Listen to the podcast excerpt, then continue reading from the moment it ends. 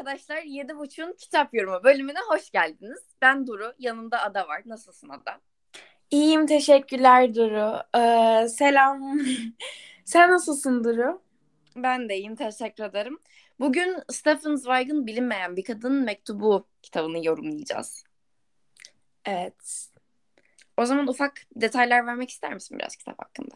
Tabii ki e, bilinmeyen bir kadının mektubu e, bence bu kitabı hemen hemen herkes tanıyordur. Kendisi e, Stephen Zweig'ın en ünlü, e, en tanınan eserlerinden birisi. E, uzun öykü biçiminde yazılmış bir kitap ve genellikle kitapta e, yani genel olarak bir mektuptan bahsediliyor ve kitap bir mektup şeklinde. Bu mektup bir kadının çocukluğundan beri aşık olduğu bir adama, o adamı nasıl ilk gördüğü e, an anda yaşadığı hislere, e, o adamın yanındaki apartman dairesine taşınmasından sonrasında adamla birlikte yetişkinken karşılaşmasına kadar olan biten her şeyi mektup biçiminde kadının adama yazmasından oluşuyor. Ancak burada şöyle önemli bir taraf var.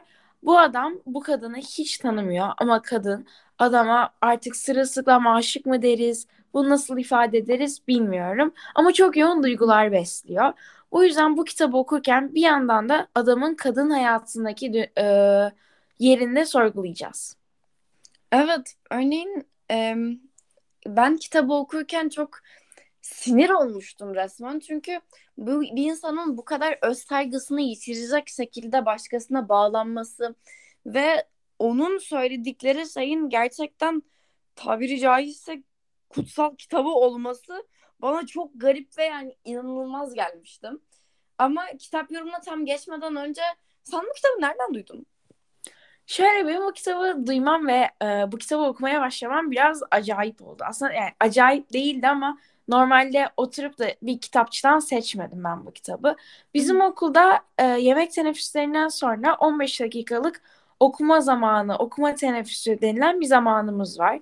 Ve bizim bu 15 dakika boyunca bir kitap okumamız zorunlu. Bu kitap da uzun öykü olarak sayıldığı için özellikle e, ince bir kitap. Ben de evet. dedim ki yanımda taşıyayım, ağırlık yapmasın, ben bunu okuyayım dedim. E, okuma saatlerini okuyabilmek için bu kitabı aldım. Başladım. Ve bir baktım çok sevdim. Ve sonunda ne oluyor gerçekten çok merak ediyorum. Mektubun sonunu öğrenmek istiyorum. Bu adam gerçekten bu kadını sevdi mi? Adam kadınla konuştu mu? Adam kadını anlayacak mı? Adam kadını fark edecek mi? Kafamda böyle sorular var. Dedim ben bu kitabı okuyayım. Ve bu şekilde tanıştım. Gerçekten e, sürükleyici bir kitap. Yani okudukça okumak istiyorsun. Benim bu kitabı okumam işte bir oturuşumu almıştı. Bir pazar günüm boştu ve dedim ki ha ben bunu okuyayım bari ya.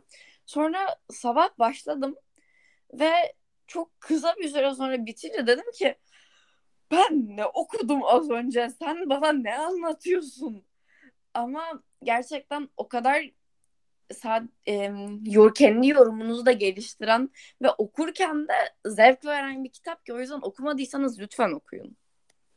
Evet kesinlikle. Hani böyle bazı kitapları okuduktan sonra ve kitap bittikten sonra böyle bir duygusal boşluğa girersiniz ya. Evet, evet. da az önce dediği gibi ben az önce ne okudum? İşte bence bu kitabı okurken hepinize aynen bu şekilde olacak. Peki Duru ben sana bir şey sormak istiyorum. Bu kitapta Hı. özel olarak etkilendiğin e, ve şok olduğun bir şey oldu mu? Aslında bunun cevabını az çok az önce verdin. Ama ben yine de sana sorayım. Yani böyle çok şoke olduğumdan ziyade dediğim gibi resmen tetiklendim bu kitabı okurken. Çünkü bu kadar çok bağlanmış olması gerçekten hayatını bu adama adaması ama bu adamın onun hakkında hiçbir fikri olmayışı o kadar içimi kemirdi ki okurken.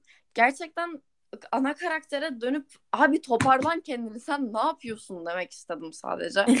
Çünkü gerçekten sen ne yapıyorsun bro bu hiç sadıklı değil hiç etik de değil yapma.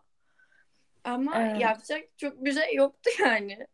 O yüzden çok spesifik bir parti olmasa da dediğim gibi sadece ana karakterin hal ve hareketleri beni çok zorlamıştı. Evet, özellikle de ana karakterin e, adamla olan ilişkisinden olan çocuklarını adama söylememesi.